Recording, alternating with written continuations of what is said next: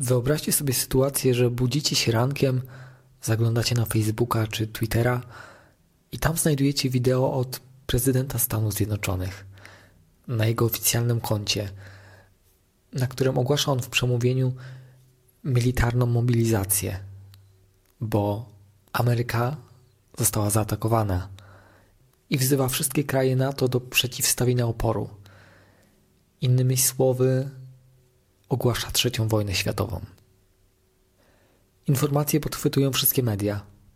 Wybucha międzynarodowa panika. Problem w tym, że informacja okazuje się nieprawdziwa. Konto prezydenta zostało sakowane, a przemówienie, w którym wystąpił, było deepfake'iem. Brzmi jak science fiction? No niestety nie, bo taka sytuacja mogłaby wydarzyć się nawet i jutro. Zanim o deepfake'ach, to chciałbym jeszcze dorzucić parę zdań na temat fake newsów. Niby słyszymy o tym od wielu lat, a dla mnie i tak wciąż za mało, bo z niemałym przerażeniem obserwuję, jak wciąż wśród znajomych, rodziny krążą jak wirusy nieprawdziwe informacje, które ripostują, szerują, komentują, nie weryfikują tego, co czytają. To, co wyświetli im się na wallu, biorą za pewnik. A ja od dawna powtarzam, że nie potrzeba wojny w tradycyjnym wydaniu, jaką mamy w wyobraźni, bo wiele bardziej niebezpieczna jest wojna na informacje, bo te mają wpływ na nasze codzienne przekonanie i wybory. A taka toczy się nieprzerwanie w internecie. Fejkowe tweety i wpisy rozprzestrzeniają się sześć razy szybciej niż prawda. A miniony rok 2020 można w zasadzie ogłosić rokiem fake newsów, e, ponieważ z falą dezinformacji na temat pandemii, na temat sieci 5G, na temat szczepionek, chyba spotkał się każdy. A takie nieprawdziwe informacje tylko potęgują strach i lęk. A człowiek w strachu może posunąć się do różnych rzeczy, czasem strasznych. Przecież nawet delfiny w weneckich kanałach, e, którymi wszyscy się zachwycali, a które podała nawet dalej Martyna Wojciechowska, to był fake. Ale co tam delfiny? Zarzuty o fałszowanie wyników wyborów przy użyciu fake newsów, które produkują fermy troli, to już nic nowego. Natomiast y, galopująca technologia jednak tworzy nowe narzędzia. I dzisiaj musimy się mierzyć nie tylko już z fake newsami. Wyzwaniem obecnie są deepfake'i. Czym są deepfake'i? Najprościej mówiąc, są spreparowanymi materiałami wideo, które w oparciu o sztuczną inteligencję, która łączy i nakłada istniejące obrazy i filmy na siebie, tworzą zmienione ludzkie obrazy, awatary. E, oznacza to, że w zasadzie możemy dowolną osobę przedstawić jako inną, zmienić wypowiadane przez nie słowa, czy zmienić miejsce, w którym się znajduje. Tak właśnie działają wszystkie aplikacje do zmiany twarzy. I dzisiaj ludzie się śmieją, jak wklejają swoje twarze w twarze celebrytów. Natomiast mniej do śmiechu było aktorce Gal Gadot, której wizerunek został wykorzystany w fałszywym filmie pornograficznym. A to było już w 2017. Od tego czasu technologia się rozwinęła, sztuczna inteligencja nauczyła się sporo i uczyć się będzie wciąż. Skala tak zwanej syntetycznej kradzieży tożsamości, czyli wykorzystania fragmentów naszej tożsamości w postaci np. zdjęć z mediów społecznościowych do działań złośliwych, a często wręcz przestępczych, rośnie.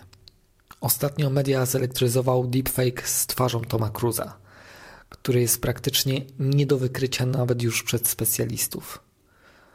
A kto oglądał serial Rok za rokiem, który trawnie pokazał zagrożenie, jakie ze sobą niesie deepfake, ten już wie. Natomiast rzeczywistość zdążyła już dogonić serial, bowiem niebezpieczne konsekwencje miała publikacja filmu z noworocznego orędzia prezydenta Gabonu, państwa środkowej Afryki. Filmik był deepfake'iem i wywołał falę dezinformacji w całym kraju. Kilka dni po publikacji członkowie wojska uznali, że film stanowi wystarczający dowód na niekompetencję prezydenta, w rezultacie czego zdecydowali się przeprowadzić zamach stanu, który w tym przypadku okazał się nieudany. Więc może do cholery, zamiast cieszyć się, że mamy swoją gębę w teledysku Riany, to zacznijmy patrzeć na to szerzej.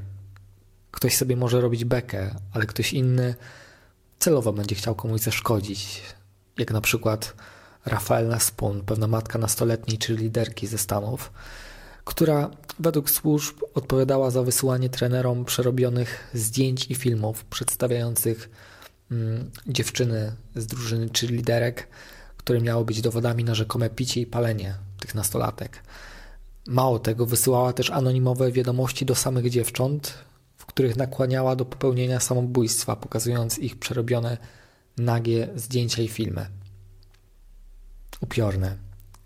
I w ten sposób rykoszetem tej technologii dostaną nie głównie celebryci, bo przez to, że są osobami publicznymi, prościej będzie można zweryfikować, co jest prawdą, co nie. Natomiast najbardziej uderzy to oczywiście w normików, takich jak my. Jak się możemy bronić?